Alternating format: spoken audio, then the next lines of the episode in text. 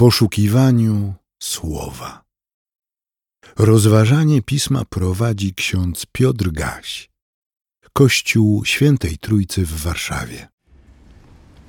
Łaskawa mi pokój od Jezusa Chrystusa, który jest świadkiem wiernym i pierworodnym z umarłych i władcą nad królami ziemskimi. Jemu, który miłuje nas i który wyzwolił nas z grzechów naszych przez krew swoją i uczynił nas rodem królewskim, kapłanami Boga i Ojca swego, niech będzie chwała i moc na wieki wieków. Amen. W pierwszej księdze Samuelowej, w szesnastym rozdziale, od czternastego wersetu czytamy. A gdy duch Pana odstąpił od Saula, opanował go zły duch posłany przez Pana. Wtedy słudzy Saula zwrócili się do niego. Opanował cię zły duch posłany od Boga. Powiedz proszę, nasz Panie, swoim sługom, którzy są przy Tobie, by poszukali człowieka umiejącego grać na lirze. Gdy zły duch od Boga będzie nad Tobą, to on zagra i będzie Ci lepiej. Rozkazał więc Saul swoim sługom: Poszukajcie mi, proszę, człowieka, który dobrze gra i przyprowadźcie go do mnie. Wtedy Pan, wtedy jeden ze sług powiedział: Widziałem u Jesego Betlejemity syna, który zna się na grze. Przy tym jest to dzielny i waleczny wojownik, wymowny i wielkiej urody, a Pan jest z nim. Saul wyprawił więc swoich posłańców do Jesego z poleceniem: Przyślij do mnie Dawida, twojego syna, który jest przy owcach. Wtedy Jese wziął osła, chleb, bukłak wina i jedno koźlątko i posłał to Saulowi przez Dawida, swojego syna. Dawid przybył do Saula i z nim przebywał. Saul polubił go tak bardzo, że Dawid został jego giermkiem. Następnie Saul posłał do Jesego wiadomość: Proszę, niech Dawid pozostanie u mnie, ponieważ mi się spodobał. A gdy duch zesłany przez Boga opanował Saula, Dawid brał lirę i grał. Przynosiło to ulgę Saulowi i było mu lepiej, a zły duch od niego odchodził.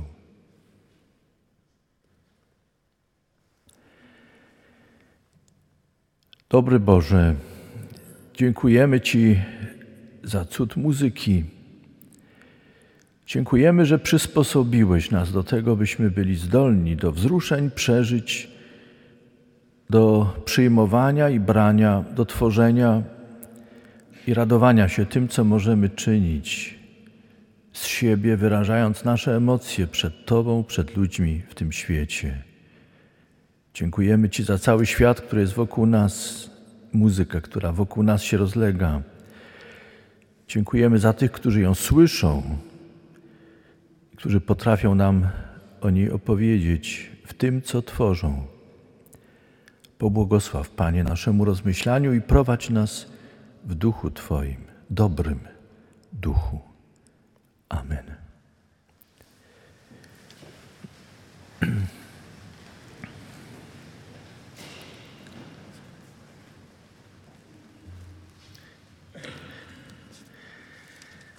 Siostry, bracia, jestem ciekaw, czy słuchacie muzyki.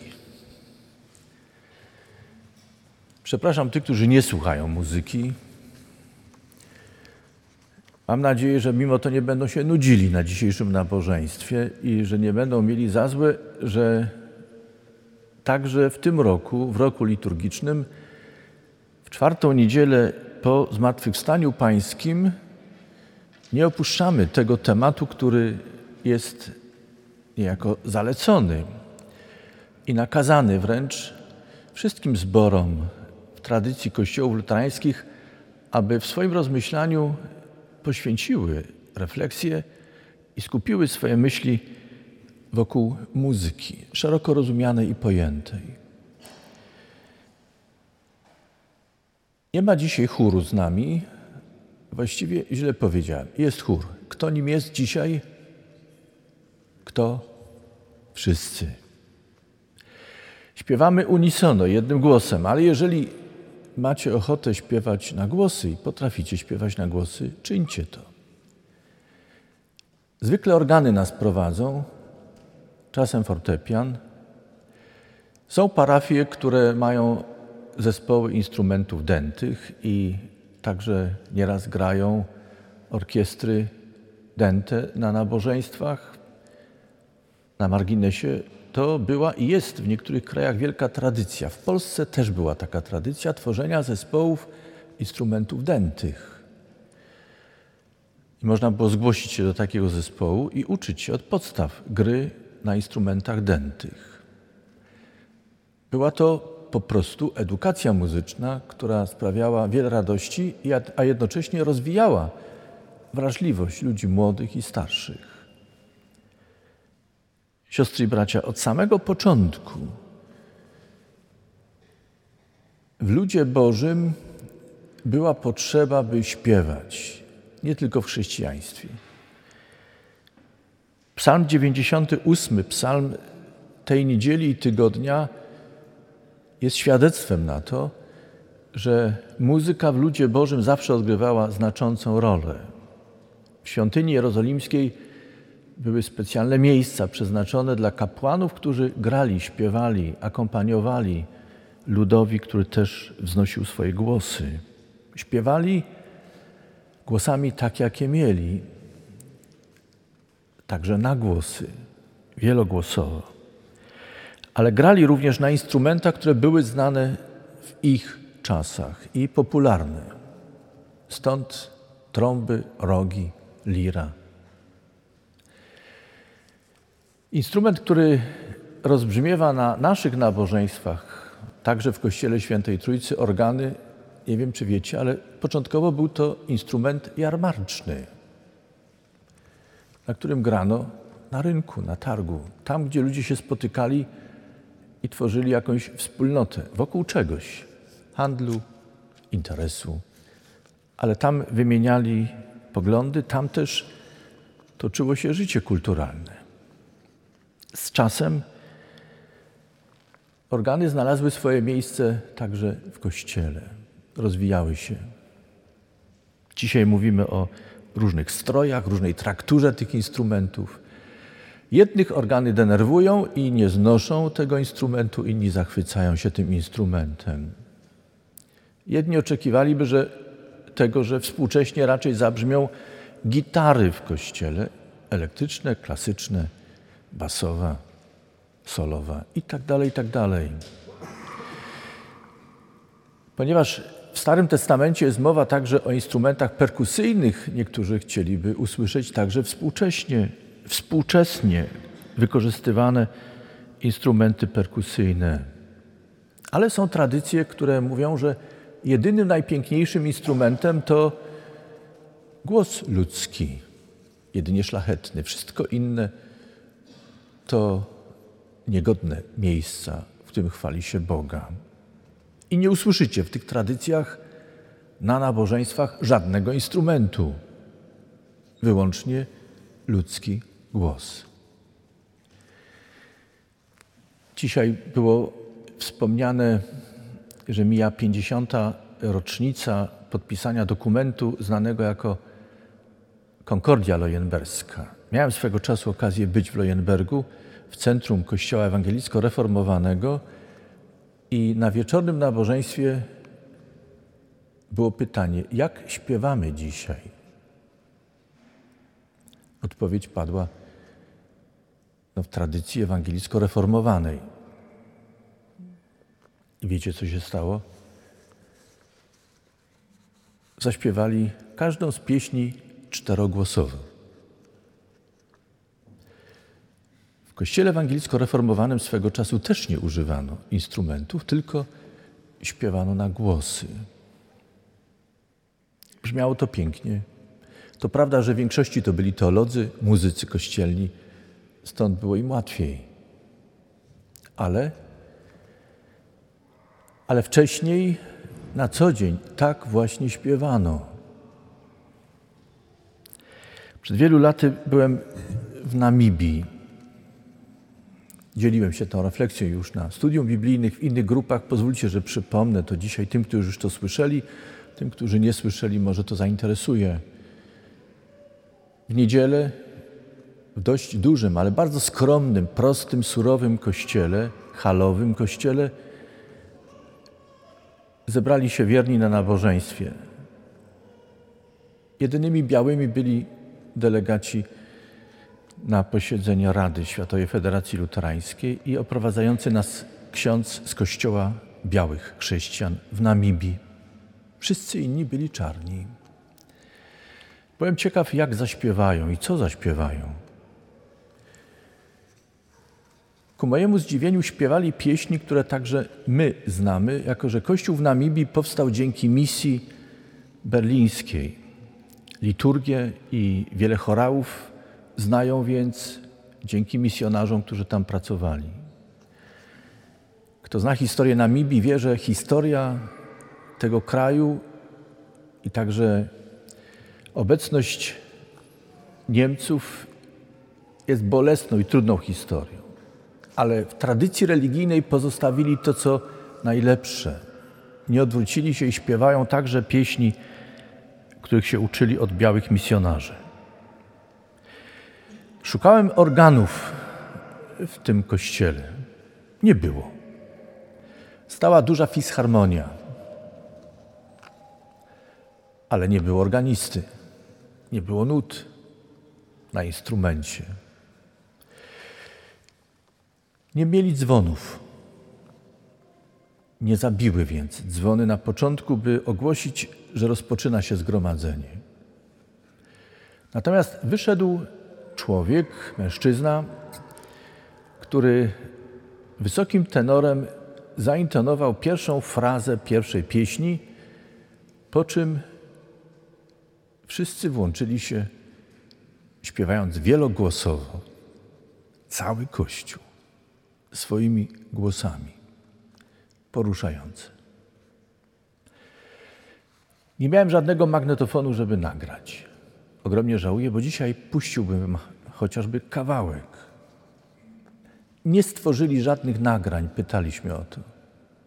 Na nabożeństwie śpiewało parę różnych zespołów wokalnych, a potem przy obiedzie rozmawiając z duchownym usłyszeliśmy, że ma zawsze wielki problem przed niedzielą problem obfitości. Bo w tej parafii śpiewa paręnaście zespołów wokalnych i chórów. I każdy chce śpiewać. Co ciekawe, mówili trzema różnymi dialektami w tej parafii. Nabożeństwo zwykle trwało około trzech godzin, nie tylko dlatego, że śpiewały chóry, ale dlatego, że musieli tłumaczyć kazanie i teksty na poszczególne dialekty inny świat. Ale odnajdywaliśmy się, zwłaszcza w śpiewie. Umiłowani w Panu, Fundacja Ewangelickie Towarzystwo Oświatowe stworzyło placówki, między innymi szkołę, w których jednym z priorytetów jest muzyka matematyka, języki, ale także muzyka. Zwracam się, siostry i bracia, do rodziców, babci, dziadków. Współcześnie edukując nasze dzieci, bardzo często kładziemy wielki nacisk, żeby dzieci były sprawne, silne. Obciążamy je nieraz ponad miarę najprzeróżniejszymi dodatkowymi zajęciami. I niezwykle smutne jest to, że także w powszechnej szkole, publicznej szkole, jak podkreślają fachowcy, muzyka, wychowanie muzyczne jest gdzieś na szarym końcu.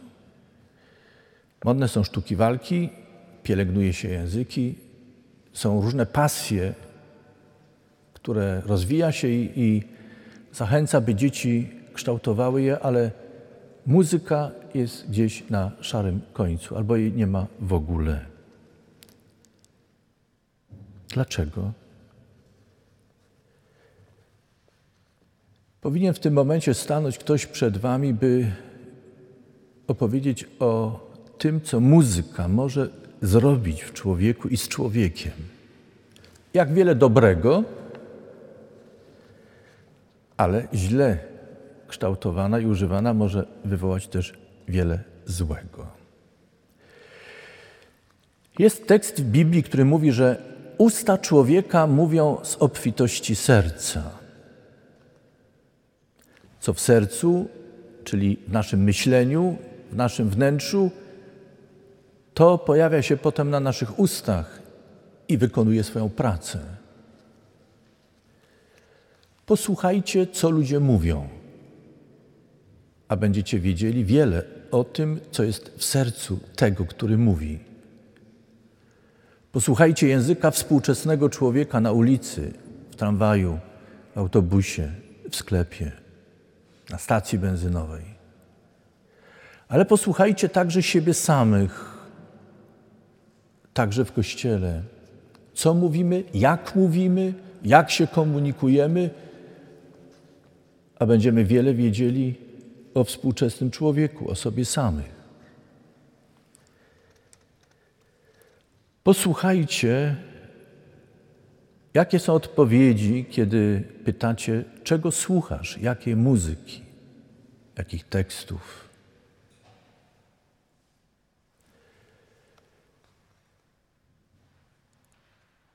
Wiele dowiecie się o człowieku.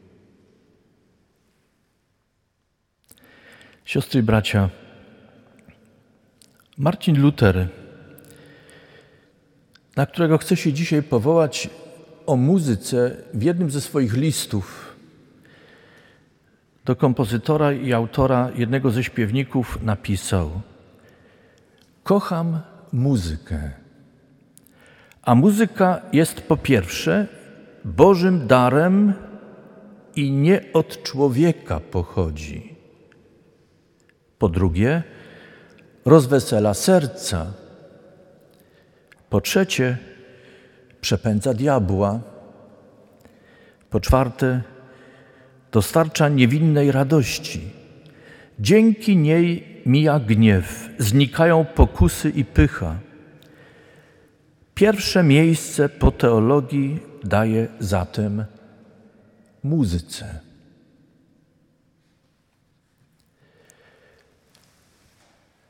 Innym razem Marcin Luther powiedział: Jeśli nasz Pan i Bóg dał temu biednemu światu tak szlachetne dary jak muzyka, to, co dopiero stanie się w życiu wiecznym, gdy wszystko będzie najdoskonalsze i najweselsze. Umiłowani w Panu, Luther często do tego wracał. Jak wiemy, w tamtym czasie muzyka należała do elementarnego wykształcenia ludzi, którzy kończyli odpowiednik dzisiejszych wyższych studiów. Luther nie tylko śpiewał, potrafił zapisywać nuty, czytać nuty. Grał podobno bardzo dobrze na flecie poprzecznym i na lirze. Jeden z muzyków ówczesnego czasu nazywał go Słowikiem Wittenberskim. Podobno potrafił śpiewać pięknym tenorem. Nie wiem, z czym chcemy dziś wyjść z tego miejsca, ale chciałbym Was mocno zainspirować do tego, byśmy wrócili do muzyki. Cieszę się, że mamy dwóch znakomitych organistów, którzy grają, że mamy kantor, która właściwie podniosła chór z upadku w sensie takim, że był w rozkładzie. I to, że chór dziś śpiewa i jest liczny, to wielka praca naszej kantor. Cieszę się, że mamy Radę Parafialną, która rozumie, czym jest muzyka i nie szczędzi trudu i środków, by przyczynić się do tego, by w każdym miejscu, gdzie odbywają się nabożeństwa, czy to tutaj w Kościele Świętej Trójcy, Warszawie, Włochach czy w Konstancinie, muzyka rozbrzmiewała. Dbamy o instrumenty, współpracujemy z różnymi instytucjami, by muzyka była obecna.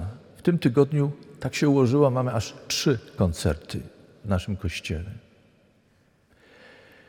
Dobrze, że nawiązujemy do starej tradycji tej parafii i że od samego początku to wnętrze rozbrzmiewa piękną muzyką. Z tego powodu między innymi młody Chopin znalazł tutaj, także swoje miejsce przez pewien czas. I Kościół Świętej Trójcy jest także znany jako miejsce chopinowskie w Warszawie. Wspomnę świetnego organistę Augusta Freyera. Niedawno słuchaliśmy opracowań pięknych pieśni autorstwa opracowania. Były to y, księdza Adama Chławiczki. Pięknych pieśni chrześcijańskich, chętnie śpiewanych. Pieśni, te opracowania były wykonywane na, na fortepianie. To wszystko ważne. Cieszę się, że mamy w naszej parafii muzyków, którzy grają i angażują się. Ale chcę Was, rodziców, dziadków, babcie, zachęcić do tego, byśmy rozbudzali w młodym pokoleniu chęć śpiewania, muzykowania. To jest trudna sztuka. Sztuka. Trudna, bo wymaga ogromnej dyscypliny, konsekwencji, wytrwałości. Ale zwróćcie uwagę, mówiąc o tym, zwracam uwagę na to, jakie cechy charakteru kształtuje się, rozwija. Nad czym musi pracować młody człowiek, żeby do czegoś dojść. I nie chodzi o to, by wygrywali konkursy, by zdobywali nagrody. Chodzi o to, by jako ludzie, jako ludzie zdyscyplinowani, konsekwentni, wytrwali, cieszyli się tym, co jest darem niebios, jak mówił Luther, muzyką. By pokochali i by to, co jest niezwykłą sztuką, łączącą ludzi i w jakimś sensie uniwersalnym języ językiem łączącym nas, ludzi różnych kolorów skóry, różnych kultur, byśmy pokazywali swoje wnętrze, okazywali wszystko to, co najlepsze, najpiękniejsze by świat, jak mówi Luther, biedny i smutny, odkrył na nowo to, co jest szlachetne, dobre, co jest darem niebios i by pochwalna muzyka była nie tylko w przyrodzie, ale także w naszych sercach i wokół nas. Egzegeci zastanawiają się, co działo się w życiu Saula, że księdze pierwszej Samuelowej mowa jest o złym duchu, który ogarniał Saula. Czy była to depresja, która powstała w wyniku przeciążenia, przepracowania króla, pierwszego króla Izraela? Czy były to wyrzuty sumienia wskutek upadku w grzech i odejścia od Pana? Czy była to jakaś inna choroba psychosomatyczna, która sprawiała, że Saul popadał w zły nastrój? Nie wiemy tego. narrator mówi, to był zły duch, który trapił Saula. Wtedy już znano uzdrawiającą siłę, moc muzyki. I zauważcie, że narrator podkreśla cały czas, chodziło o dobrą muzykę, wykonywaną przez kogoś, kto się zna na muzyce i dobrze gra. Doskonale wiemy z naszego doświadczenia, że jeśli ktoś źle, źle gra i nie zna się na muzyce, lepiej, żeby nie wykonywał tej muzyki. Albo dla siebie wyłącznie. Ale znam ludzi, którzy nie mając wielkich talentów, twierdzą, że skoro Bóg nie dał im większego talentu, chcą go chwalić w taki sposób, jak potrafią. I też śpiewają, i też grają. Nie wiem jak Was, ale mnie ten pogląd przekonuje. I powiem wręcz wzrusza. kiedy ludzie o mniejszym talencie muzycznym nie chcą być na pierwszym miejscu na scenie, ale siedząc wraz z innymi, z serca wielbią Boga tak, jak potrafią stosownie do swojego talentu. I powiem, bardziej to cenię niż taką sytuację, kiedy ktoś ma talent, potencjał i milczy, nie śpiewa. Siostry i bracia, wykorzystajcie swój talent, który daje Wam Stwórca. Nie milczcie. Jeśli Wy będziecie milczeć, jak mówi Chrystus, kamienie wołać będą. Może komuś się wydawać dziwne to, że w naszym śpiewie od pewnego czasu organy w niektórych zwrotkach milkną. Ale to jeden ze sposobów, by obudzić zbór do śpiewu. Śpiewu, w którym szukamy także słowa. Zauważcie, że kiedy milczą organy, nie tylko musimy wysilić się i głośniej zaśpiewać, ale także lepiej wczytać się w tekst. To pomaga w skupieniu się na tekście. I nasz śpiew jest jeszcze bardziej świadomy. Proszę Was, nie milczcie. Wykorzystajcie talent, który macie. Nie tylko w tym miejscu. Idąc do domu, śpiewajcie.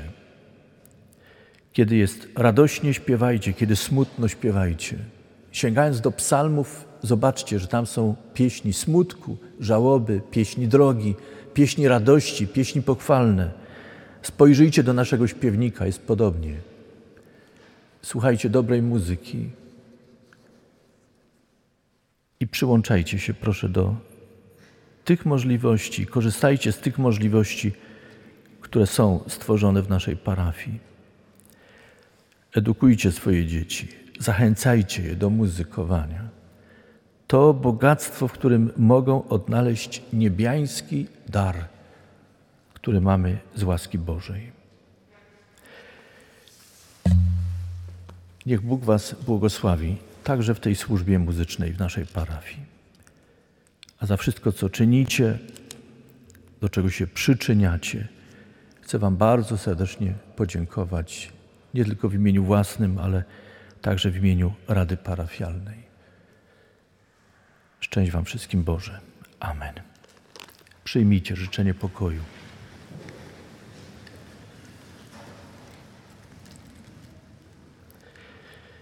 A pokój Boży, który przewyższa wszelkie zrozumienie, niechaj strzeże serc i myśli naszych w Chrystusie Jezusie, Panu i Zbawicielu naszym. Amen.